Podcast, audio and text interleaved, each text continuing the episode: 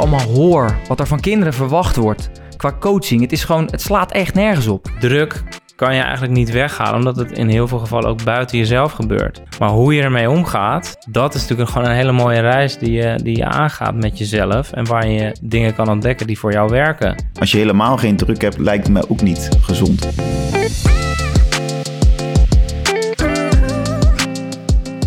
Lieve luisteraars, welkom bij De Jeugd heeft de toekomst. Een podcast van de KNVB over jeugdvoetbal in al haar facetten. Een podcast waarin ik, Piotr van der Marel, samen met een co-host in de wonderenwereld van het jeugdvoetbal duik. Samen met mijn co-host vraag ik mijn gasten het hemd van het lijf. En gaan we op zoek naar hun visie, ziens en werkwijze. Welkom bij De Jeugd heeft de toekomst. De podcast van vandaag gaat over presteren onder druk. Eigenlijk zou het presteren zonder druk moeten zijn.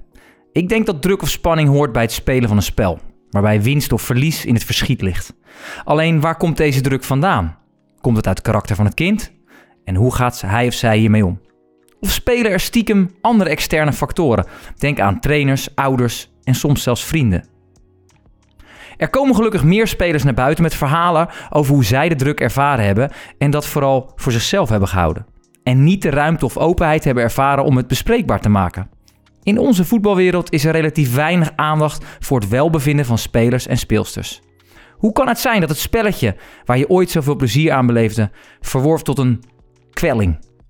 We duiken in het presteren zonder druk met Tim Koning, schrijver van het boek De Talentformule, en zat in seizoen 1 al aan tafel.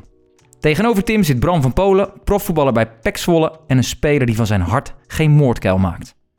Tim, aan jou de eerste vraag. Is een boek schrijven presteren onder druk? Nou, zeker weten. dat is uh, heel dubbel. Dus dan, uh, het is de interne druk die je zelf oplegt. Namelijk, elk woord wil je, je wilt dat elk woord raak is. Dus je gaat ook heel kritisch lezen. Maar ja, als je een stuk vijf keer hebt gelezen, dan worden je hersenen lui. Dus dan lees je ook niet meer wat je hoopt te lezen.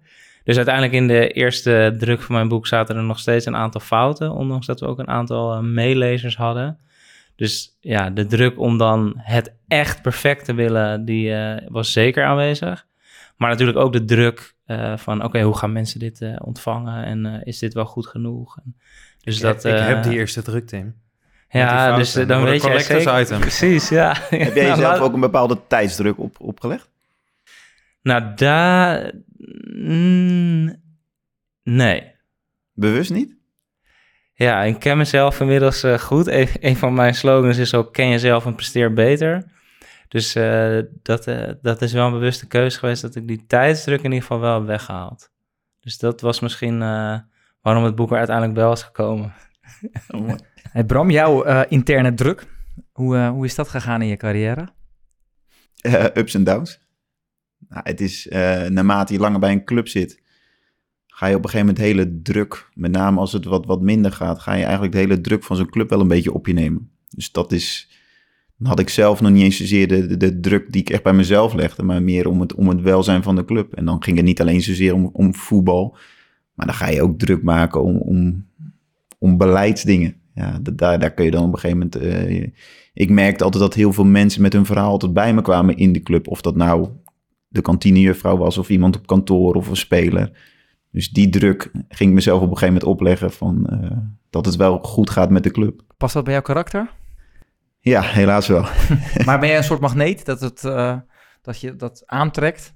Nou, magneet is een groot woord. Ik denk wel dat ik altijd, ik, dus ik probeer altijd wel open te staan voor alles en iedereen. En ook altijd wel een praatje te maken vind ik belangrijk dat iedereen een soort van gezien wordt en niet alleen de, de spelers. Ik doe bijvoorbeeld op op wedstrijddagen zorg ik altijd dat ik een uur voordat iedereen er is, dan ga ik naar de club, ga ik even met de, uh, de, de groundsman ga ik praten. Ik ga op kantoor even alle kantoren langs, gewoon even vragen, even een beetje voelen hoe iedereen erin staat. En uh, ja, dat is iets wat ik mezelf ja, niet heb opgelegd, maar dat is op een gegeven moment zo gegroeid. Omdat ik gewoon, uh, de club was niet alleen de selectie, is bij ons gewoon alles en iedereen die daar werkt. Dus dat vind ik ook belangrijk dat die mensen gezien worden. Dus dat is wel, dat is de ene kant is dat ook wel uh, deels zwaar. Andere kant voel ik me daar goed bij. Dus ja, ik, misschien ben ik deels een magneet. Andere kant, als je er heel lang zit, en iedereen zie je op een gegeven moment uh, nou ja, weggaan, dan zullen mensen ook wat sneller bij jou komen. Ja. Nick? Druk. Ja, ik voel druk voor deze podcast. Ja? Moet wel weer presteren. Hoe ga jij daar met je hartslag? Ja. Nou, ik zat net op mijn uh, smartwatch te kijken. Die Hoe heb jij dat, kan je daar iets over van terughalen van vroeger? Druk? Nou ja, ik uh, moet zeggen, ja, ik heb op uh, bescheiden amateurniveau gespeeld. Ik mocht als jonge speler dan in het eerste team spelen, was ik 16 of 17. Maar dat is gewoon een, dorps derde, vierde klasse.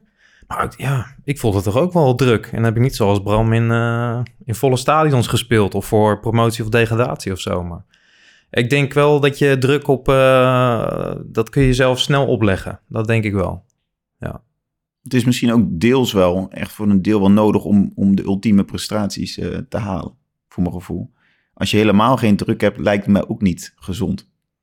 Maar goed, dat heb jij misschien een andere mening over. Nee, maar helemaal ik, niet. Ik, zou het ook een afvinden als je, als je niks voelt. Ja, maar ik, denk, ik, heb, ik, ik werk altijd naar een, bijvoorbeeld een, nou, neem ik weer mezelf als voorbeeld, maar dan als je naar een wedstrijd toeleeft, uh, ik wil een bepaalde spanning wel opbouwen richting die wedstrijd om mezelf scherpte daarin te krijgen. En, en daar probeer ik ook de jongens wel een beetje in mee te nemen. Dus daarin, ja, ik, ik vind het altijd wel lekker. Als ik vakantie heb, dan mis ik die druk af en toe ook wel een beetje. Dat ik dan, het is heel lekker af en toe, maar ja, je, ik weet niet, je lichaam is er wel een beetje aan gewend. Ik, ik vind het altijd wel lekker, een beetje presteren onder druk. Ze zeggen, de, de, Tim, dat er een uh, soort sweet spot is. Hè? Dan, dan ja. komen woorden als adrenaline en hè, die, die spanning, dat wat het dan met je lichaam doet. Dat, je hebt ook wel een beetje spanning nodig, toch, voor een goede prestatie, of niet? Ja, absoluut. Kijk, het hangt heel erg af van het individu. Dus allereerst gaat het heel erg over de interpretatie van de situatie. Dus hoe uh, ervaar jij datgene wat er zich in de omgeving afspeelt? Of hoe signaleer jij de lichamelijke uh, fysieke reacties die erop komen? Kortom, of niet kortom, je begint te zweten, je hart begint harder, sneller te kloppen. Zie jij dat als van, oh jee, ik ben nu zenuwachtig, ik weet niet wel of het gaat lukken. Er komen dan ook natuurlijk meteen gedachten bij op. Hè? Gevoel en gedachten gaan ja, razendsnel uh, door je lijf en door je hoofd. Maar een ander kan het misschien interpreteren als wow, ik heb er super veel zin in. Mijn lichaam is gaan het klaarmaken om straks die wedstrijd optimaal te kunnen presteren. Ja, dus Bram die uh, al zoveel betaald voetbalwedstrijden heeft, ja, een wedstrijd in betaald voetbal. Daar moet jij je voor opladen, maar een speler die debuteert, ja, die zou zeer die waarschijnlijk heel anders ervaren.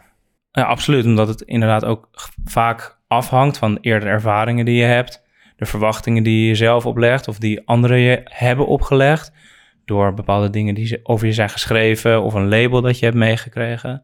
Dus dat hangt wel af van dat soort zaken. Ja. En natuurlijk ook van je opvoeding en de cultuur en de maatschappij en hoe je wordt ontvangen in team. Dus er spelen zoveel zaken mee die uiteindelijk bepalen of je, of je druk ervaart.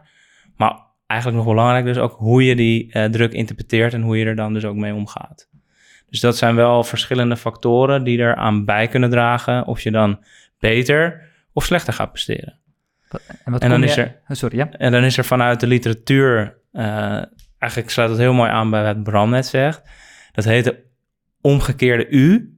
Dus dat is uh, letterlijk een U die omgekeerd is. Uh, en daarin zie je ook dat, over jouw vraag gesproken, de sweet spot. We hebben, je kan in onderspanning zitten of in overspanning. Maar idealiter zit je eigenlijk in die sweet spot waarin je een juiste mate van spanning nodig hebt om überhaupt optimaal te kunnen presteren. Want als, ja, als jij net uit je bed komt, ja, dan is, het ook, dan is je lichaam fysiek nog niet klaar om op de toppen van je kunnen te presteren. Dus dan zit je misschien nog in die onderspanning.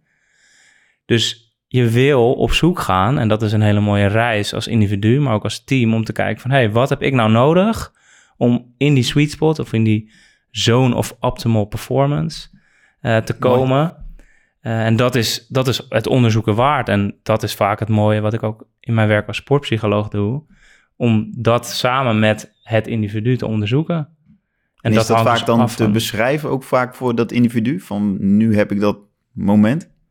Ja, en dan kom je eigenlijk natuurlijk in het verlengde van die omgekeerde U.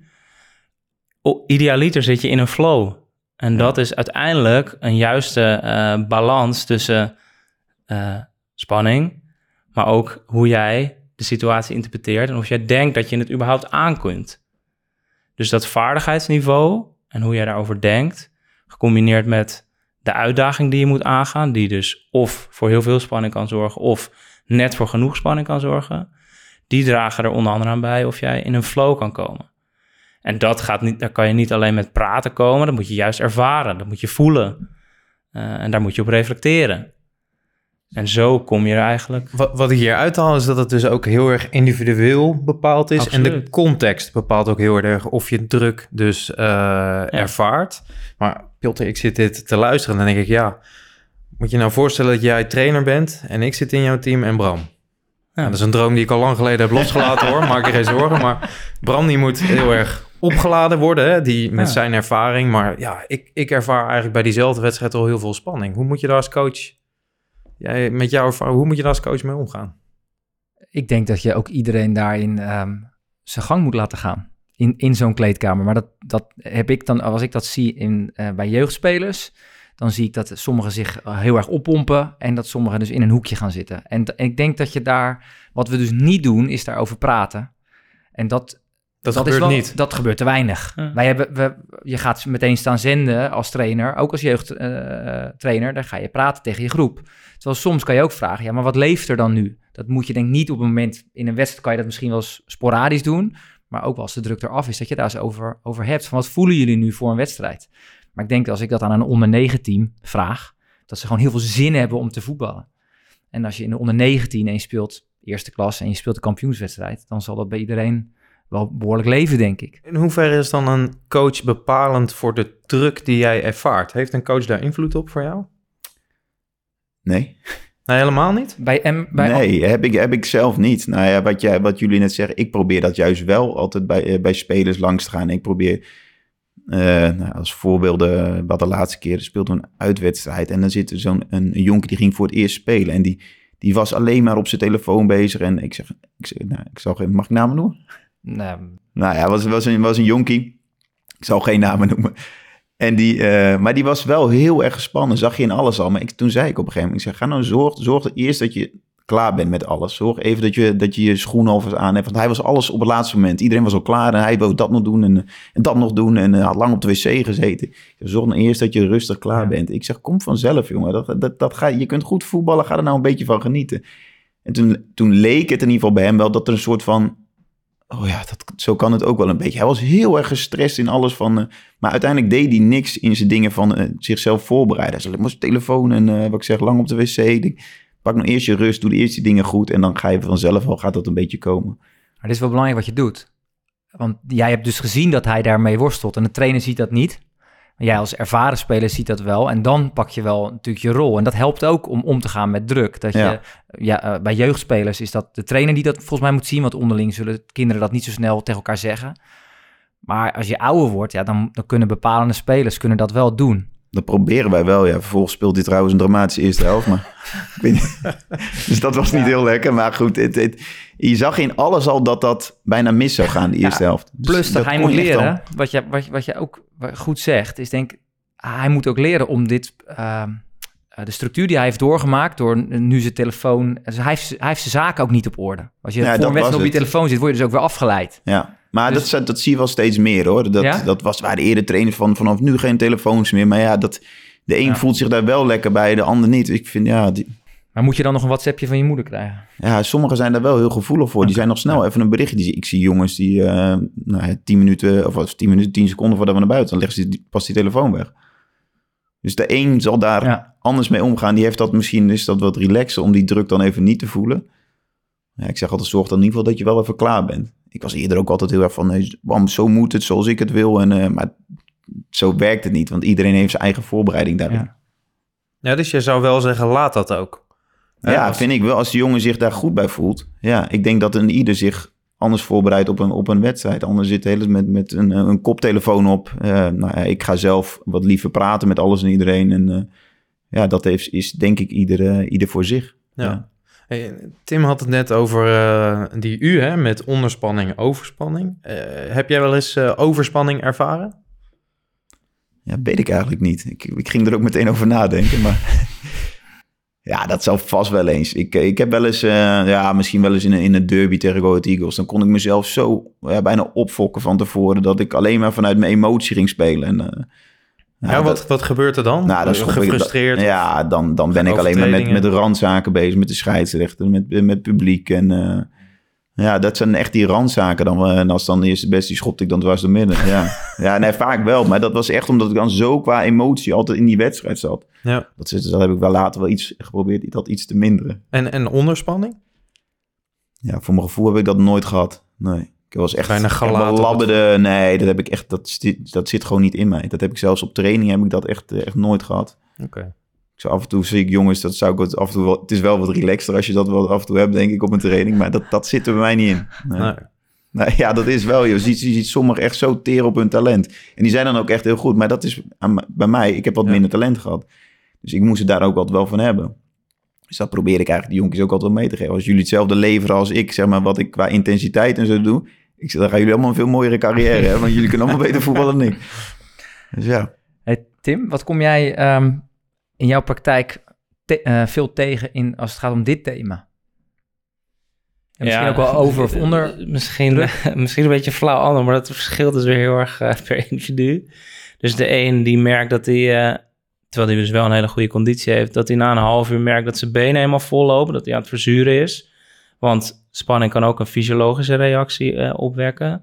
Namelijk je spieren zijn net aan een elastiek. Spanning zorgt ervoor dat je spieren eigenlijk op spanning komen te staan, waardoor je dus veel sneller vermoeid raakt. Maar een ander merkt dat hij op trainingen eigenlijk veel beter presteert dan op wedstrijden, op, wed- wedstrijddagen.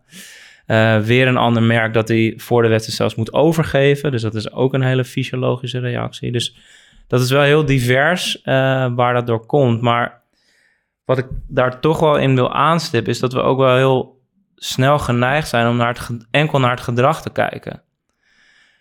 Terwijl in mijn werk als sportpsycholoog Tuurlijk observeer ik het gedrag. En dat is vaak ook waarom iemand wel aanklopt.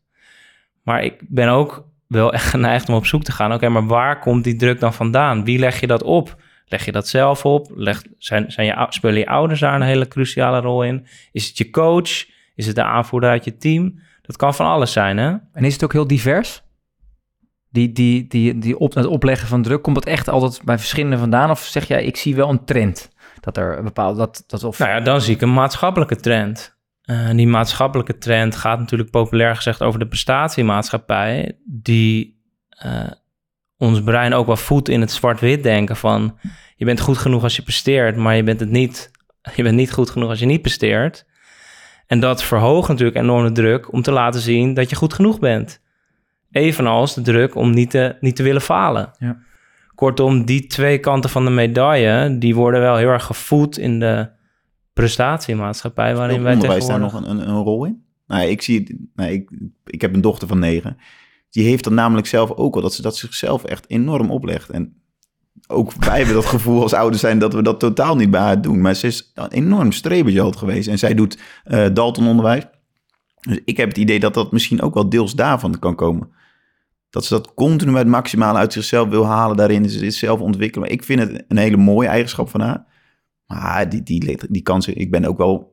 Ergens zie ik ook wel op tegen de periode dat ze straks naar het middelbare eh, onderwijs gaat. Dat ze zichzelf dan ook nog al die druk oplegt. Mhm. Maar ja. Nou, omdat ik, ik wil wel dat ze een beetje gaat genieten ook. Van het leven. En eh, het gaat uiteindelijk wel komen zoals het komt. Ze is slim genoeg daarin en ik, daar heb ik genoeg vertrouwen in. En ze is sociaal genoeg. Dus dat, dat gaat wel op zijn pootjes terechtkomen. Alleen ik wil niet dat zij met name in die, nou, die maatschappij waar wij en straks met dat social media, dat zij in alles perfect wil zijn. Daar ben ik Ja. wel een beetje bang dat ze dan eh, zichzelf... eh, Kun je dit als ouder, als coach, als docent, kun je dit wegnemen? Nou, ik, zoals wij het, zoals ik het dan ervaar met mijn vrouw, we proberen in ieder geval haar een bepaalde dosis zelfvertrouwen mee te geven. Dat die basis altijd goed is, dat ze een veilige thuishaven heeft met, met ons. Proberen, wij proberen heel veel van- voor onze kinderen te zijn. Dus dat ze in ieder geval daar geno- sterk genoeg eh, nou, het leven ingaat, zeg maar. Zo proberen wij, wij dat een beetje. Maar goed, dat is... Jullie, jullie hebben er meer verstand van waarschijnlijk. Nou, Nou, nee, wel- ik vind dat je als ouder heel veel verstand hebt van Ja. de ontwikkeling van je eigen kind. Dus wat dat betreft ben jij eh, op dit vlak wat je nu deelt een ervaringsdeskundige. Ja. Dus, ja. Nou, ik denk ook dat we, pro- we proberen al heel snel natuurlijk vangnetjes te creëren. Of het nu Mhm. even in het onderwijs bijlessen zijn.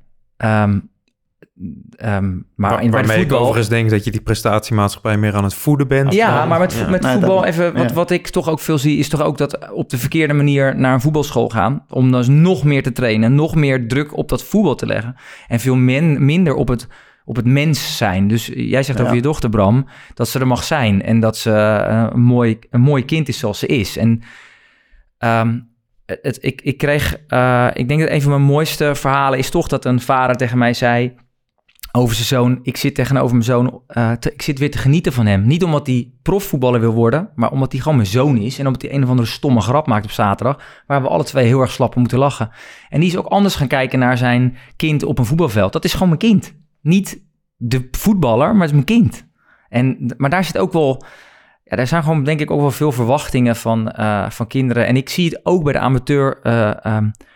Als ik eh, laatst ben ik bij een onder negen ben ik weer gaan kijken. En dan wat ik allemaal hoor, wat Ja, er van bizar. kinderen verwacht wordt. Qua coaching. Het is gewoon, het slaat echt nergens op. Maar ook het afgrijzelijke gejuich van een moeder die helemaal uit de stekker gaat. Om de, omdat er gescoord is. Doe gewoon even normaal. Ja, ik ben dat helemaal met je eens. Maar dat, dat zijn wel, eh, daarmee creëren we natuurlijk ook wel het altijd misschien wel winnen, het, het de beste zijn. Ehm, dus ik denk dat we daar ook wel, eh, ehm, eh, ja, goed dat we hierover praten met elkaar. Wat zijn nou signalen? Ehm, wat kunnen wij nou zien in een kleedkamer dat kinderen onder druk staan? Tim? Nou ja, dan sluit ik me een beetje aan bij wat Bram ook eerder zei. En dat het nogmaals van het individu afhangt. Ik denk dat het vaak ook op gevoel gaat. Als trainer? op Als ik, als ik naar mezelf kijk, ik denk dat ik heel goed in een, in een eh, als ik een zaal binnenstap eh, of als ik een, een kleedkamer binnenstap, dat ik spanning ook kan voelen. Span, dat zeggen ze natuurlijk ook, hè? Ja. De spanning is voelbaar. Maar ik, ik voel dat echt. Heb je dat nu ook of niet? Nee, nu, eh, nu had ik wel uh, gezonde wedstrijdspanning, Ja. maar nee, dus Ja, wij ik vind in het een hele spot, complexe vraag. Ik vind het een hele complexe vraag, Ja. omdat ik aan de ene kant vind ik het heel goed als je eh, bepaalde gedragingen bij eh, een kind kan leren herkennen. Kijk, als je kinderen over een langere periode ziet, dan kun je daar ook wat meer over zeggen. Ja, Want dus dan zie voorwaarde jij- is dat je een relatie met dat Ja. je dat kind kent. Ja, en dan Toch, kan, je ook, dan kan je ook zo'n gesprek openen van... hey, eh, ik heb het gevoel dat je vandaag meer spanning had dan vorige week. Klopt dat? Nee, helemaal niet, trainer. Maar eh, ik zat met mijn hoofd bij de toets van maandag... en eh, misschien was ik daar een beetje afgeleid. Oké. Kortom, we hoeven niet alleen ons blind te staren op het gedrag... wat we kunnen observeren...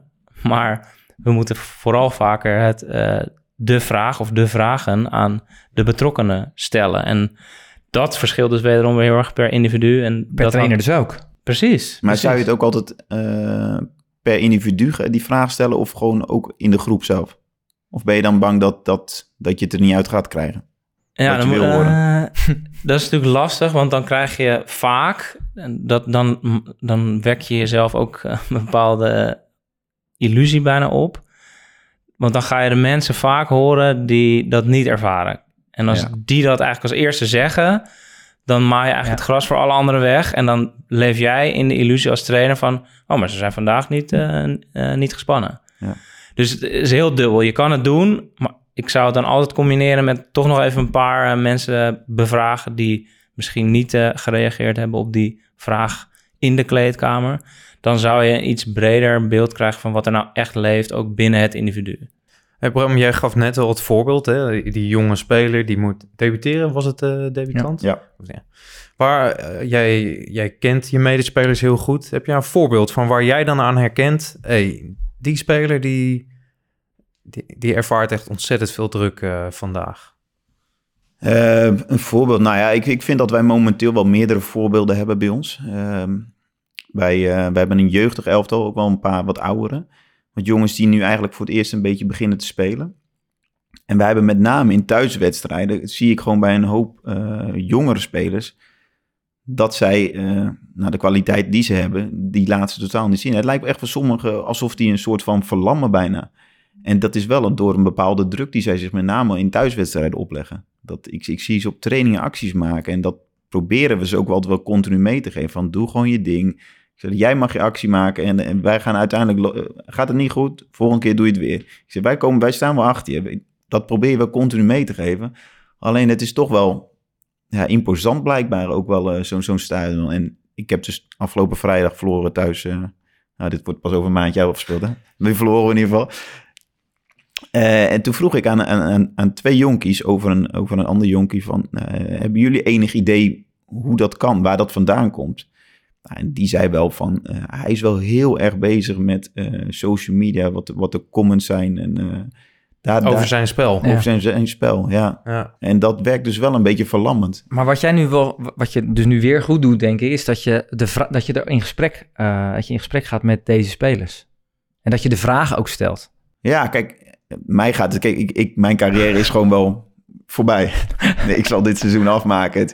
Ik zeg dat zeg ik, probeer ik de jongens ook altijd mee te geven. Het gaat mij eh, om mijn team, om mijn club. En als die jongens daarin eh, mooie stappen kunnen maken, ja, als, ik kan ze daar nog mooi bij helpen nu. Dus ik probeer dat zeker wel. Dat, dat is dus ook wel een beetje de druk die ik mezelf een beetje, een beetje opleg. Met name om de club, om het team. Als het dan wat minder gaat, ik ga heel veel thuis zitten, zitten denken. Zoals vrijdag, dan, dan hebben we verloren. En dan, dan zegt mijn vrouw ook zaterdagmiddag van... eh, ga je nu ook weer eventjes bij ons eh, gezellig zijn? En ik ben dan heel erg bezig met van wat, wat kan ik doen om de boel weer aan de gang te krijgen, om jongens te helpen. Dus ja, dan gaan we, in, eh, ik heb al met die, met die ouderen vandaag besproken, dan gaan we morgen gaan we wel eventjes met, met een groepje zitten. Van, en dan dingen gewoon bespreken van, van hoe komt dat, hoe kunnen we ermee helpen, hele simpele dingen. Maar ja, kijk, of het gaat helpen of niet, je kunt het in ieder geval bespreekbaar maken. En ik, Maar is dit, is dit gebruikelijk Ja, dat ik- spelers zoveel verantwoordelijkheid nemen? Want het klinkt bijna alsof je de, de rol van trainer van coach trainen. op je neemt. Ja, nee, ik heb dit altijd al gedaan. Maar Ja? goed, dat komt denk ik ook omdat ik er al heel lang zit. Dan is dat denk ik anders. En ik geloof ook echt wel dat het bij andere clubs zo Dat is. past misschien bij je karakter. Maar wordt er, Past veel over, wordt er veel over gesproken? Want ik, die, die- je merkt eh, dat, dat, woord, dat verlammende, hè, of je nu een kuipvrees hebt, of, of, of dat er, ik denk dat kinderen er ook mee worstelen, dat je voor het eerst een prestatie moet leveren. Nou, te Eh, weinig. Met name, ik, ik vind dat dat... Daarom wil ik het morgen dan ook even bespreekbaar maken weer. Het, het, we constateren het vaak wel, alleen dan zeggen we niet tegen de persoon zelf. "Voor, die, eh, die speelt een partijtje verlammend. Wat, wat is er toch mee aan de hand dan? Maar dan? Daarom moet je, denk ik, eh, is het goed om dat af en toe eens bespreekbaar te maken. Of nou, in, in een klein groepje of, of met de hele groep of per individu. Ja, ik denk dat dat wel... cruciaal kan zijn voor de ontwikkeling van, zo, van zo'n speler. En misschien helpt het wel helemaal niet, wat ik net zei, dat eerste voorbeeld van, ja, dan probeer je die jongen daarin wat te helpen, maar was het alsnog eh, dramatisch wat hij liet zien de eerste helft? Ja, Ja. Dat, dat kan ook. Ja. Alleen daar, daar gaat hij er hopelijk de volgende keer wel van leren, van als ik die dingen eerst rustig doe, dat ik dan wat relaxed naar een wedstrijd toe kan eh, groeien. Tim, het eh, plezier in relatie met presteren, dat is toch bij jeugdvoetbal toch heel erg belangrijk. Wat, wat vind Eh, jij, wat vind jij eh, belangrijk daarin? Nou ja, ik, ik geloof heel erg dat we kunnen presteren met plezier. En ik, ik heb vaak meegemaakt in de praktijk dat presteren en plezier tegenover elkaar worden gezet. Kortom, dat plezier st- juist eh, staande weg is om te kunnen presteren. Dat vind ik dodelijk, omdat het volgens mij altijd gaat over plezier. En als je zonder enig plezier eh, naar je werk gaat of naar de sport die je eigenlijk het liefste zou willen doen, of altijd hebt gedaan met heel veel plezier, dan ga je op een gegeven moment stoppen. En om dat klein te maken, dan wordt willen, wordt moeten. Ja. En dat is eigenlijk een signaal. Dat, dat kan je eigenlijk in taal observeren. Hè? Dus dan kan je, je kan letterlijk gewoon eigenlijk tellen hoe vaak iemand het woord moeten gebruikt. Ja, dat, dat is de doodsteek voor, eh, voor plezier. Als je als trainer of speler bewust bent van die verschillende bronnen van plezier, dan kun je daar dus ook kun je dat ook heel concreet maken in de praktijk. Ja. Kun je dat verweven in oefeningen? Kun je dat eh, verweven in je wedstrijdvoorbereiding? Kun je dat verweven in je ontwikkelproces wat je eh, voor de komende jaren voor jezelf uitstippelt? Daarmee wordt plezier veel concreter in plaats van dat het een containerbegrip is dat we te pas en te onpas gebruiken. En dat is denk ik juist waarom plezier eh, ja, ook helemaal geen, eh, geen belang meer heeft. Iedereen beaamt namelijk Precies. ja, super belangrijk. Maar als je dan in de praktijk ziet hoeveel er bewust aandacht aan wordt besteed, ja, dan is dat natuurlijk heel minimaal. Heb je nog een voorbeeld van zo'n bron? Van wat eh je zei, Zeker? Eh, ja, dus de zes bronnen van plezier zijn onder andere afgeleid van de zelfdeterminatietheorie. Voor de mensen, voor de luisteraars die zich wat meer willen verdiepen, zou ik absoluut eh, daar meer over gaan lezen. Dat zijn eh, verbinding, autonomie en competentie. En daar hebben we aan toegevoegd uitdaging, ontwikkeling en beweging. En die zes bronnen, die eh, nou, wordt denk ik te uitgebreid om daar verder op in te gaan. Maar dat maakt denk ik plezier heel concreet. Waardoor je het ook veel makkelijker kan verweven in de dagelijkse routines. En waardoor je in mijn optiek spelers langer gebonden houdt aan de sport. Eh, en Ja. ook in staat bent om het maximale uit zichzelf te willen halen. Nou, en, en wat ik hieruit haal is... plezier is eerder een voedingsbodem om te kunnen presteren... dan dat het een Absoluut. tegenhanger Ja, eh, is. Eh, want nu het wordt ook vaak als een tegenstelling gezien. Van, ja, als je plezier hebt, dan kun je... Zijn Nee, we dan plezier moet vaak ook. Dat, dat, we, we, zetten plezier bovenaan, maar als je een of andere slechte training geeft, dan staat er plezier helemaal niet bovenaan. Dus dan wordt het gewoon een containerbegrip. Ja, of het wordt als middel gebruikt. Ja. Een soort leverage van, ah, maar als jullie vandaag hard trainen, dan gaan we het einde partijspel doen. Zeg maar, dat, ja, dan denk ik, dat is toch niet... Kortom, dan, dan moet je plezier als, als toetje of zo. Ja. Terwijl ik vraag me dan af, als dat is wat je, wat je wil bereiken als trainer... dan denk ik dat als je dat maar lang genoeg eh, voortzet... dat willen moeten gaat worden bij Ja. die groep. Hey, eerder hadden we het ook over eh, die, die sweet spot hè, en Mhm. over onderspanning. Ook over de prestatiemaatschappij. Heeft het bruggetje naar jeugdvoetbal eh, gemaakt. Hè? Piotr, jij noemde het al. Dan kom je nog te vaak situaties tegen waarin je denkt... Oh, wat gebeurt hier en is dit wel een gezonde omgeving voor, voor kinderen? Wat zijn dan die ingrediënten in dat jeugdvoetbal die, ja, die voor die druk eh, zorgen? Ik denk dan aan een coach. Ja, toeschouwers noemde jij al. Ja, scheids, Ouders. eh, extern, eh, Ja, ouders, ouders. scheidsrechter. Ja. En zou je niet met die groep moeten Jezelf? praten? Ranglijst. Voorafgaand aan zo'n aan Sorry? zo'n seizoen. Zou je niet eens een keer met, met zo'n groep moeten gaan praten? In plaats van altijd maar de, de, het bet- betrekken eh, tot, in dit geval, jeugdteams. Of, of in ieder geval die, die kinderen. Misschien is het ook wel eens, is het ook wel eens belangrijk om van tevoren met die ouders een keertje van, bij, bij elkaar te komen. Van luister, dat- wij gaan in ieder geval zo met onze spelertjes om. Van daar gaan zij het best bij gedijden. Ja. Ik denk, ik denk dat dat te weinig gebeurt. Ja. Ik heb toevallig laatste keertje bij de, bij de hockeyclub, want moest ik bij de businessclub eh, een, een woordje doen. En ik ben ook wel vrij uitgesproken altijd in eh, mijn mening. Dat is niet altijd goed hoor. Maar toen, ik, ik wist ook namelijk dat er zaten een paar eh, in die businessclub, die zaten ook bij mijn dochter. eh, die hadden ook een, een, een kind bij mijn dochter in het elftal. Jij wordt er niet meer uitgenodigd, begrijp ik. en die zijn vrij fanatiek altijd. Dus ik zei toen ook vrij rigoureus van ja, ik kan dus helemaal niks met ouders die lopen te schreeuwen tegen hun kinderen en, en voor de rest ook helemaal niks doen. Ik zeg, laat die kinderen nou. En als je als, als kijk, als de, onze de trainsters, en die hebben er echt geen reet verstand van, dat hebben ze ook echt niet bij ons, de, die, die bij mijn dochter. Maar ik zeg, want ze zeiden van ja, wil je dan nooit een keertje ingrijpen? Ik zeg nee, want zij stoppen de tijd en energie in. Zij weten hoe die kinderen zijn. Ik kan er niet zo vaak kijken, dus waarom zou ik dat doen? Ik ga dan af en toe later ga ik wel eens met mijn dochter praten van ja, misschien kun je dit eens zo doen, weet je, op, op die manier. Maar ik zal nooit tegen die trainsters ingaan. Want als je dat gaat doen, ik denk dat die kinderen gek worden. Die gaan dan dus een bepaalde druk voelen. Als ze dan continu vanuit die ouders horen geschreeuwen van... hé, hey, je moet het zo doen, je moet het zo doen. Ja, dat, dat gaat er bij mij dus niet in. Het, het, het zit er met, met name denk ik wel in de omgeving ook van, Ja, van zo'n team. hele belangrijke. Het is wel dus misschien een aanrader om... Ik, ik denk niet dat dat veel gebeurt bij jeugdelftallen. Om Nou. juist eens met die ouders... eh, Ja, ook wel hoor. Het, ge- het gebeurt wel dat je daar, dat je daar afspraken over maakt wat jij als, als team verwacht. Dat, Ja, maar dat wordt natuurlijk vaak dan één keer aan het begin van het Eh, seizoen ja. gedaan, waarbij er vier ouders opkomen dagen, bij Ja. wijze van. En dat wilde ik toevoegen. Maar dat moet je natuurlijk herhaaldelijk Ja. laten terugkomen. Ja, en daar ook ik. reflecteren als groep. Ja. Ja. We hebben overigens hier nog een podcast over opgenomen, hè, over omgaan met de ouders. Maar, Hm. maar dit herken ik eh, heel erg. Dat je, dat alle clubs, hè, ook dit weer, alle clubs benoemen en zien het belang. Maar vinden het ontzettend moeilijk daarmee om te gaan. En heel, het is bijna cynisch gezegd, de ouders die het hardste schreeuwen en het meeste klagen, die krijgen ook het meeste aandacht. Ja. En daar ga je het beleid als club bijna op En dat, en dat beleid, dat is wel eh, ook, vind ik ook een interessante. Want ik vind aan de ene kant is natuurlijk de ouders erbij betrekken. Een hele belangrijke. Eh, daar zit natuurlijk ook je, je clubcultuur. Zit, li- ligt daarboven. Dus voor, voor elke club, wat wil je uitstralen als club? Eh, wat brengen wij naar buiten? Zijn wij een prestatie-amateurvereniging die eh, een selectietak heeft en een niet-selectietak? Of laten we dat helemaal los? Ehm, daar maak je ook wel visie in. En ik denk ook bijvoorbeeld als je een prestatie amateurclub bent, dan zorgt dat ook al meteen weer voor druk. Want als je daar dus niet slaagt, dan val je dus af binnen je amateurclub. Dus binnen je dorpje val je af.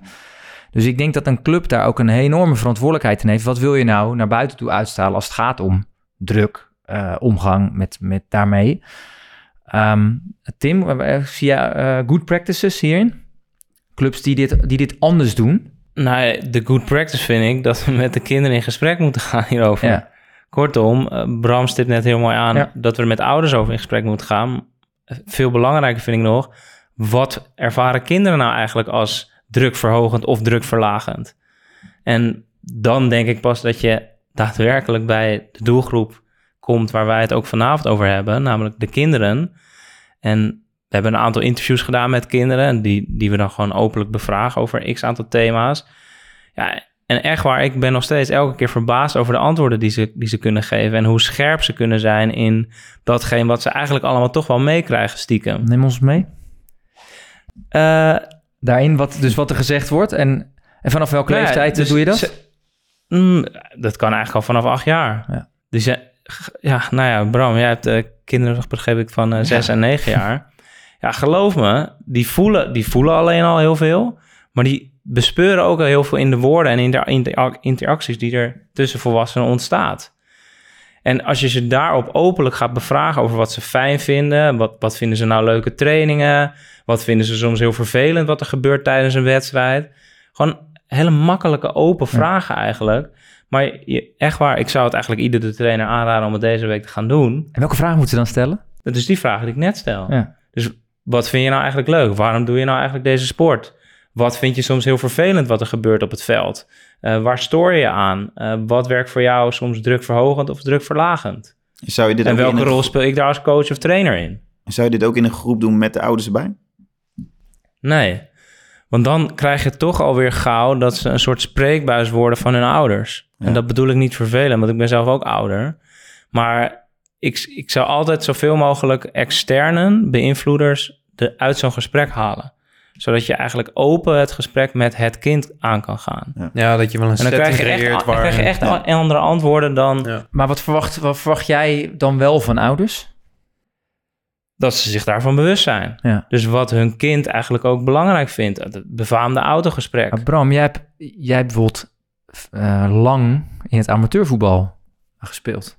Ja, Dus, dus, dus jij hebt tot je negentiende? tot mijn negentiende. Ja, mijn negentiende naar Vitesse gaan. Een jaartje, toen eh, naar Pek Zwolle. Ja, ik, ik, ik wil zeggen, ik kan dat iedereen aanraden. Maar ja, zo werkt het niet meer. Die talenten worden, veel te, eh, worden natuurlijk heel vroeg al opgepikt. Alleen ja, het heeft mij natuurlijk wel... ehm, ja, ik, ik, ik, zie altijd, ik zie heel veel eh, jeugdspelers die, ehm, die zijn zo het mannetje, zeg maar, in, in, bij hun vriendjes, op school, eh, op verjaardagen, noem alles maar op. Die, die, die, daar wordt zo'n enorme druk eh door gevormd, door, door eigenlijk eh, alles en iedereen om hem heen. Ja, dat heb ik nooit gehad tot mijn negentiende. Het is pas later dat dat een beetje die druk is gekomen. Dat, dat iedereen maar weet van voetbal en dat iedereen weet van, oh, daar loopt die voetbal en dat iedereen het ook daadwerkelijk gaat vragen. Maar ik heb dat daarvoor nooit gehad. Ik heb een hele relaxte jeugd gehad met mijn vrienden. Nou, eigenlijk alles gedaan wat, eh, wat God verboden heeft, zeg maar.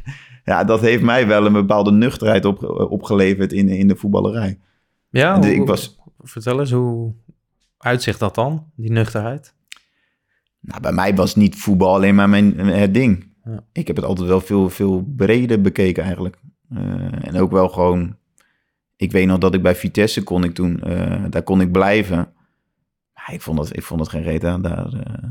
Dus ik, ik- toen kwam uiteindelijk Pek Zwolle nog. Maar anders was ik, eh, was ik ook teruggegaan naar de amateurs. Want ik... Het, nou ja, over plezier. Ik vond, dat, ik vond het helemaal niks. Ik weet nog dat de, de eerste wedstrijd speelde met Jong Vitesse uit bij... eh, we hadden toen zo'n complex. was bij, op, bij Bemmel was dat. En ik, kwam, ik ben altijd eh, laat uit de kleedkamer. Maar ik was gewend na de, na de wedstrijd drinken. In ieder geval even wat met z'n allen. Nou, in de amateurtijd was het altijd een biertje. Dat kon daar natuurlijk. Maar ik kwam die, die kantine in. Iedereen en iedereen was weg. en ik had echt zoiets. Wat is dit dan? Wat gaan we nou krijgen? Ja, en dan krijg je natuurlijk ook wel deels mee. Weet je, van hoe zij Ja. profvoetbal beleven. Dus dat, dat is ook wel. Maar ik doe het eigenlijk nog steeds. Ik zit altijd na wedstrijden. Ook al komen we eh, terug van een wedstrijd ga ik altijd met een paar, eh, nou, het is dan onze, onze fiche, onze teammanager, onze verzorger, materiaalman.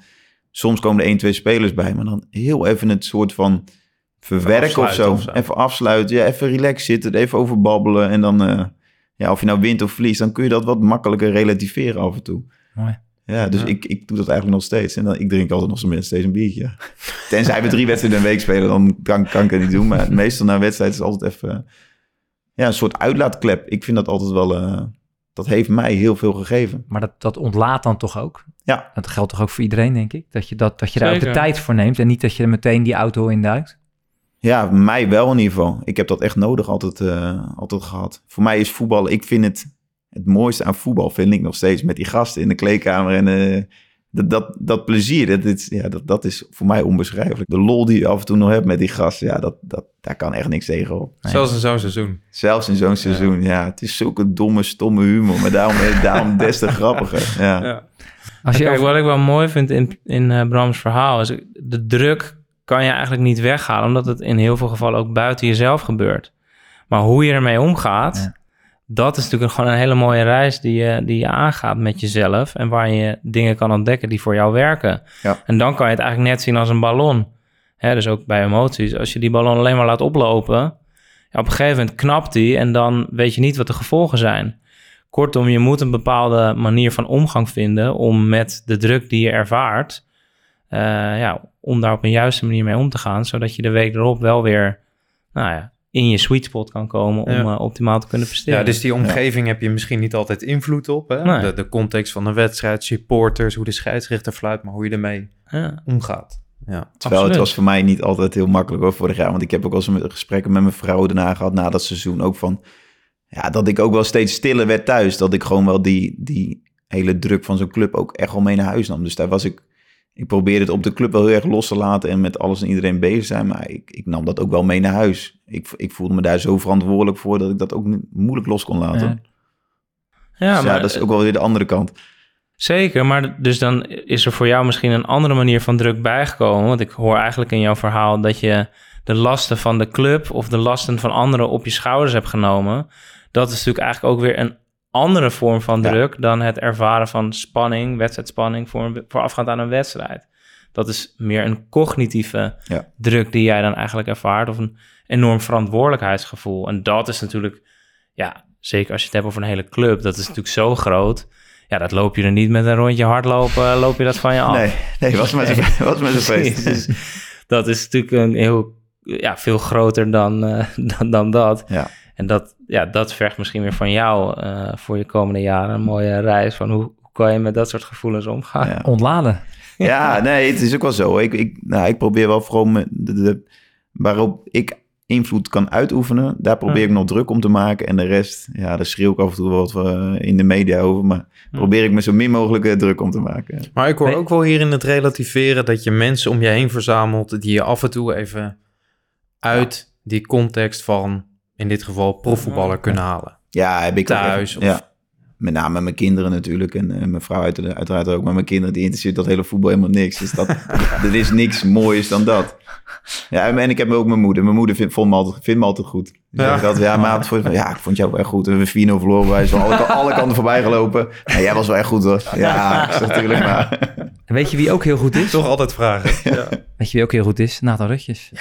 Want die hebben wij eh, weer gevraagd om eh, ons even het, eh, het vuur aan de schenen te leggen.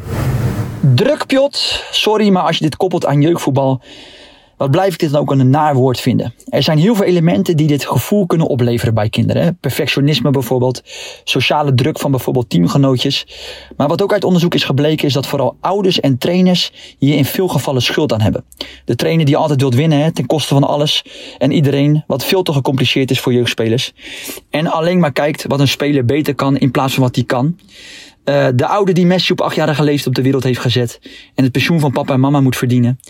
Naar voetbalscholen wordt gesleurd. En als hij niet in de selectie komt, naar een andere club wordt gebracht. Ik heb een oplossing, Piot, voor dit probleem. Trainers en ouders een spiegel aanschaffen. En jezelf de vraag stellen. Voelt een kind zich bij mij nog vrij om zijn eigen keuzes te maken? Zowel in voetbalhandelingen als daarbuiten. Bepaal jij dat voor je spelers? Voelen kinderen impliciet druk? Eh, een vraag aan de gasten, Piot. Eh, druk ervaren kan natuurlijk ook helpen in je persoonlijke ontwikkeling. Hoe zouden jullie dit trainbaar maken? Zo. Had wel Het laatste woord hè? verstond ik niet. En hoe we het trainbaar kunnen maken. Dus Ja. hoe maken we druk trainbaar? Ja, ik, ik Dat is denk een dat, mooie vraag. ja. ik denk dat dat wel ook in winnen en verliezen zit Mhm. op een training. Ja. Ik werk één dag in de week bij Defensie. Eh, daar zijn ze denk ik uitermate goed geworden in het presteren onder druk... door het trainen van allerlei scenario's die eigenlijk hè, bijna gelijk staan... aan hoe ze het uiteindelijk dan echt gaan ervaren. Kortom, je leert jezelf daardoor allerlei prikkels in de omgeving kennen. Je hebt daardoor bepaalde verwachtingspatronen. Je kent het gevoel van je lijf als je in die, die dergelijke situaties terechtkomt. Kortom, je traint jezelf om met onverwachte situaties beter om te kunnen gaan. Dus het trainen van scenario's Ja, onder mooi. dezelfde omstandigheden is ja, een hele mooie vorm die je ook in partijen spellen of in verschillende Train as you oefeningen. fight. Ja, Zo, ja. mooi, ja. Ik moet hier aan het voorbeeld denken dat, dat dan op de training penalties worden getraind. Maar je mag er ook maar echt één nemen. Hè, om toch een beetje de druk te creëren van ja, zo'n wedstrijdscenario. Ja. Eh, dus niet ongelimiteerd oefenen. Nee, je krijgt er één. Ja, wat je daar dus mooi aan zou kunnen toevoegen, is dat je voordat je dat, eh, dat ook zeker, Eh, maar dat je dus ook je, je lichaam al in die fysieke staat brengt. Kortom, je gaat bijvoorbeeld 20 keer opdrukken voordat je die penalty gaat nemen, zodat je hartslag al boven de 100 zit, zodat je al meer zweet dan dat je normaal zou doen. Dus ook daar gaat het weer over. Breng je eh, lichaam dan al in diezelfde condities. Dat kan natuurlijk niet exact nagebootst worden wanneer je voor 50.000 man de, de laatste penalty moet nemen. Fair enough. Maar je kan het natuurlijk wel zo goed mogelijk proberen na te bootsen. En hoe dichter dat bij de realiteit komt, hoe beter je eigenlijk ook op het moment dat het er dan komt, ook mee om kan gaan. Ja, dat is wel mooi, want ik, ik nam altijd alle penalties bij ons. En ik deed dat eigenlijk ook. Eind van de training nam ik altijd drie penalties. Alle drie de hoeken, eh, of eh, door de midden, links, rechts. Altijd hetzelfde, even hetzelfde aanloop, even een bepaalde focus pakken. Ja. En ja, dat heeft mij enorm geholpen. Ja. En, dat, en ik, ik heb het twee gemist in totaal. Ik denk dat ik een, een stuk of twintig heb gemaakt. En diegene die ik heb gemist was eigenlijk momenten dat ik... Toen wist ik het al bijna dat ik ging missen op de een of andere manier. Omdat ik, ik kon niet in die focus komen. En die één keer, nou dat was laatst toe- toevallig bij Jong AZ uit. Er, was, er waren geen toeschouwers en helemaal niks op een amateurveldje. Dat is heel raar. En dan zei die gast ook, ja, maar jij hebt gewoon een bepaalde druk nodig. Ja, maar dan Ja, heb je dat- dus weer die omgekeerde Ja. U. Ja, dat was dus ook wel een beetje zo. Want dit, ja, ik schoot hem ook Jij heel laks heen in aan het ik, eh, kijken, Ik had echt zoiets van, ja, dit is hem niet. Maar eigenlijk had ik hem toen ook voel af moeten niet. geven. Maar ja, ik wou niet mijn verantwoordelijkheid daarin... eh, Komt er weer verantwoordelijkheid? ja, Ja. ja. Dus ik had dat wel... eh, Het, het, het, het zet mij ook meteen aan het denken. Zo van, ga nou weer gewoon je eigen ding doen. En, Ja. ja, het is wel leuk hoor om daarmee te spelen. Ook met, met, met, met, eh, met spelers, jonge spelers ook. Eh, we spelen een partijtje, iedereen krijgt een briefje. Ene team, eh, en ze weten niet wat ze van elkaar hebben. De ene staat eh, 2-0 voor en de ander staat eh 1-0 achter. En we spelen nog één minuut. Ze weten niet van elkaar welke boodschap ze hebben. Hmm, mooi. En, dan, de, de- je kreeg, en je, je, als je het er later ook met kinderen ook over hebt, dan zeggen ze dus ook dat ze hun hartslag voelden ze. Ze voelden dat ze echt ergens verspeelden. En zo kan je ook, ehm, ook, ja, de- welke, welke club of welk team speelt nou gewoon, jongens, we spelen partij en jullie staan gewoon 1-0 achter. Eh, ik heb ook wel eens fases gehad dat je vaak achterkomt. En wat voel, de kinderen voelen daar ook wel eh, stressen. We komen elke keer komen we achter. In, weet je, elke paar gewoon onder 10, 6 tegen 6. Oké, we gaan nu trainen. Jullie staan 4-0 achter. Wat, oké, nou, wa- hoe ga je nu, wat voel je dan nu en hoe ga je daar nu mee om? En daar kan je gewoon met kinderen heel goed, heel goed over praten. Het grappige was dat wat je dan ziet bij kinderen en dan leg je natuurlijk helemaal weer gevouwen. Want op zaterdag krijg je meteen die training daarna of die wedstrijd daarna krijg je de goal om je oren. Oh jongens, nu niet in paniek raken, we weten wat we moeten doen. En dan gaan ze natuurlijk weer, maar dan moeten we, ja, dan moet je ook met staf, heb je gewoon heel veel lol met elkaar. Van, hey, ze herkennen het, ze hebben het erover. Ze, ze gaan allemaal roepen dat ze niet in paniek raken. Dat worden ze natuurlijk wel, maar nee, dat, dat, dat is gewoon een mooi spel. Hey, Piotr, jij hebt heel lang in een betaald voetbal eh, jeugdopleiding gewerkt. Dat lijkt me bij uitstek een omgeving waar spelers zichzelf heel veel druk opleggen om profvoetballer te worden. En die, daarmee een hele omgeving. Op een gegeven moment Ja. komen er ook zaakwaarnemers bij kijken. Gingen jullie daar ook bewust mee om? Met, met, met die druk vooral? Eh, de zaakwaarnemers is wel een, een ding waar we, eh, eh, waar we in Nederland echt wel... eh, Nou, vooral de verwachting van profvoetballer worden. ja, dat, dat, het dus, dat, het, dat, dat, je dus, dat je dus deze droom moet hebben, of mag hebben. En dat je daarvan eh, echt wel moet, van moet genieten. Maar dat het ook heel kortstondig kan zijn. En daar wel over praten. Dus ook met ouders en met, met, met kinderen. Dus je bent er, je bent er een jaar of twee jaar, maar geniet daarvan. Want je leert heel veel als mensje hiervan. Hè, of het tegenslagen zijn of, of het, het, succes vieren. Dat je weet je, dat, je de, dat je tegen Paris Saint-Germain mag spelen op het toernooi. Ja, jongens, wie kan dat nou zeggen? En hoe je er dan voelde, dat neem je de rest van je leven mee. Maar probeer dan heel erg te relativeren. Want Ja. ik kan me voorstellen, een beetje wat Bram zegt na, na zo'n wedstrijd. Ja, vooral te relativeren. Ik was wel benieuwd wat je over die zaaknemers zou gaan zeggen. Ik ook. Ja, Ja. Nee, dat, Nee, dat, ja, maar dat- dat is een, dat is een, dat, daar, daar eh, eh, laatst weer een jongetje van 14 die met die een contract tekent. Ja, dan, dan daarmee, dat is allemaal weer druk. Het is allemaal verwachtingen. En er zijn, eh ja, een mooie in de core podcast ging het over zaken waargevers. Ja, de, dat je wat geeft aan een, aan een kind hè, in informatie of hoe je met bepaalde dingen omgaat, dat, dat is van belang. Maar ik zie, ik heb ook gezien dat er gewoon heel veel druk om kinderen ontstaat, doordat zij voelen, eh, zij voelen geld. ja. Sommigen. ja eens hoor. Ja. Ik, ik, ik ben ook geen niet zo'n fan van, van zaakwaarnemer.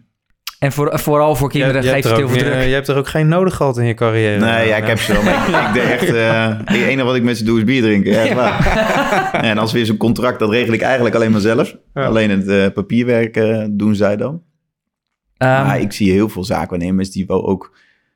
Ook bij, bij, bij onze jeugdspelers echt wel een bepaalde druk neerleggen. Hoor, continu. Ja. En ook wat trainers opbellen van waarom speelt hij niet. En je moet spelen en je moet harder werken. En eh, ook gewoon wel, eh, maar dat zit ook bijzonder wel, hoor. dat zit ook in de prestatiemaatschappij, dat het maakbaar is. Dus als je eh, een eh, zaakwaarnemer hebt of je hebt goede begeleiding, dan heb je meer kans om prof te worden. Ja, dit is natuurlijk gewoon grote onzin. Wat, wat bedoel je daarmee? Het is maakbaar. Ja, dus, dus, dus als je daar maar veel investeert, als je maar heel veel traint, en je, dan word je vanzelf prof. Ja, maar het is ook gewoon... Je gaat eh, naar een de route, de route van Bart Vriends is anders dan van eh, Bram van Polen. Ja. En die is ook helemaal niet maakbaar. Dat is geen eh, eh, weg. Nee. Ehm, maar goed. Een beetje zoals leven ook, hè? Ja. Iedereen gaat uiteindelijk, heeft zijn eigen weg wel een beetje. Ja, zo is het wel. En nou, wat je zegt met, met profvoetbal net zo. De ene, ene gaat er op zo'n manier komen en de andere... Hebben bij ons nu toevallig eentje die dan echt doorbreekt van de belt. Die hadden we echt drie jaar geleden, had iedereen echt zoiets van... Die, die, die gaat het echt niet redden. Maar die is nu... dat is wel een leuke. Ik had toevallig laatst met hem erover, eh, nou, een beetje over die, eh, die druk en ja, dat, dat bij ons sommige jeugdspelers ook wel soms iets te makkelijk over denken. Hij zegt van ja, maar toen ik bij het eerste kwam, drie jaar geleden, hij zegt, vond ik het soms ook gewoon echt niet leuk hoor, zegt hij. Van, want ik was eigenlijk de enige een beetje. Hij zei, ik voelde gewoon in alles dat ik nog niet goed genoeg was. Ik zeg, maar ik ben me daarin wel gaan focussen en ik, daardoor ben ik me wel enorm gaan ontwikkelen. Hij zegt, ik zie nu een Mooi. beetje bij, bij een groepje van, en dat zijn dan zes, zeven eh, eh, spelers die daar eigenlijk, ja, dat klinkt misschien, eh, die er misschien wel iets te makkelijk over denken. Dan heel snel van, ja, maar krijg geen kans. Ja, weet je, dat bij elkaar een beetje stimuleren daarin. En ik weet niet of dat goed is voor de ontwikkeling. Je moet daar, daarom ik zeg, je moet wel een bepaalde druk ook voelen om jezelf daadwerkelijk te gaan ontwikkelen. En ik denk dat die bij sommigen, ehm, als je daar in een groepje zit en die zeggen alleen maar van, ja, maar die trainer geeft me geen kans. En eh, dat je dat ook eh, kunt, negatief kunt stimuleren bij elkaar. Ik weet niet hoe jij daar zo in staat, maar... Ja, maar dat is vond het wel ook een vaak zelfbescherming. Hè? Als je in, het gaat externaliseren, kortom, het ligt altijd aan een ander. Ja, Dat, is natuurlijk, dat doe je ook vanuit een bepaalde zelfbescherming van het zelfvertrouwen wat er misschien nog wel over is. Dus ook dat, dat, als we dan alleen maar kijken naar dat soort uitspraken, dat komt vaak ook weer ergens vandaan. Kortom, dan praten we misschien bijna een beetje in cirkels, maar het Ja. gesprek aangaan met het individu is van uiterst belang om te weten te komen waar bepaald gedrag vandaan komt, om ook te kunnen bepalen wat we met dat gedrag kunnen gaan doen. Mooi. Ehm, wij sluiten de podcast altijd af met een rondje tips.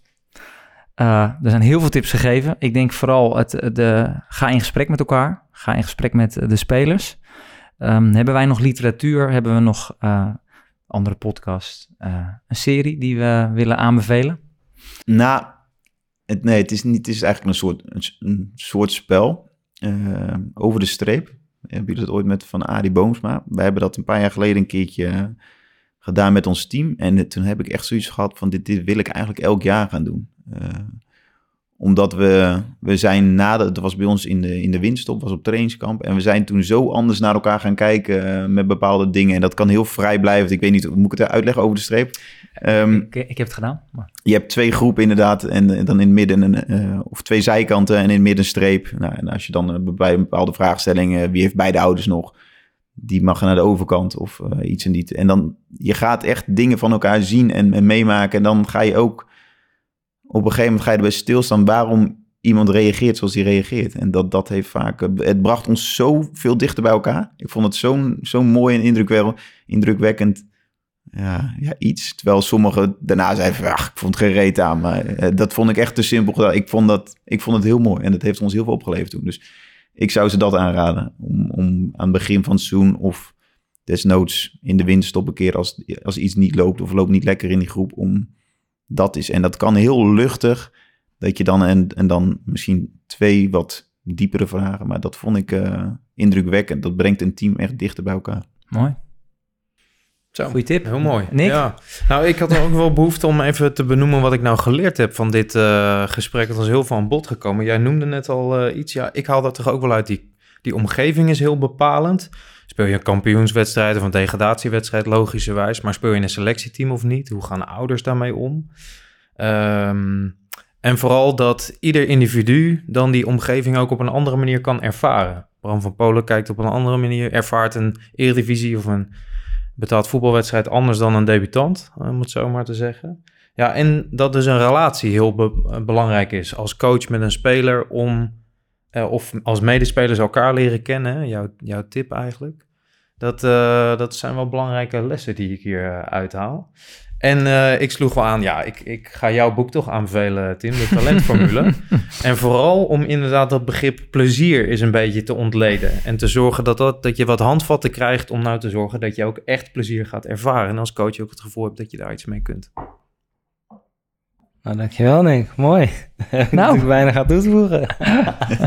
Dat mag ook. Nee, ik heb twee, eh, toch wel twee tips. Eén is, eh, ga, volgens mij is aflevering 1 eh, van de serie Playbook op Netflix kijken. Dat is een aflevering met de coach, basketbalcoach Doc Rivers.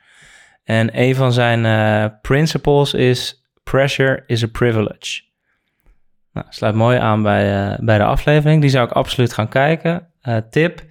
Twee, als coach of trainer zou ik je eigenlijk aanraden om niet alleen te kijken en te vragen naar wat kan er morgen nou beter, maar om ook stil te staan bij wat ging er nou goed en wat heeft er nou voor gezorgd dat dat goed ging of goed is gegaan. Om eh, niet alleen maar te kijken naar wat er beter kan en misschien soms bij het individu de indruk te wekken dat het nog niet goed genoeg is, maar ook wel echt daar iets tegenover te zetten en te focussen op de dingen die goed gaan. Mooi, dankjewel. Ik eh, vond een quote van eh, Guardiola. ehm, en die, eh, die zei: Ik werk niet met voetballers, ik werk met mensen. En zij hebben angsten en zorgen om te falen voor duizenden mensen. Het is mijn taak om hen te laten zien dat ze zonder elkaar niks zijn. Vond ik een, Mooi. eh, vond ik een mooie. Eh, ik wil jullie danken voor de komst. Graag gedaan. Dankjewel. Leuk, dank. Ja, wat leuk. Beste luisteraars, ik wil jullie danken voor het luisteren naar deze podcast. Wat neem je mee naar je eigen voetbalsituatie? Wat zou je totaal anders doen? Hebben we je stof tot nadenken gegeven? Heb je nog vragen of opmerkingen? We zijn altijd op zoek naar thema's die spelen bij jouw club. Laat het ons weten en mail dit naar voetbalontwikkeling.kvb.nl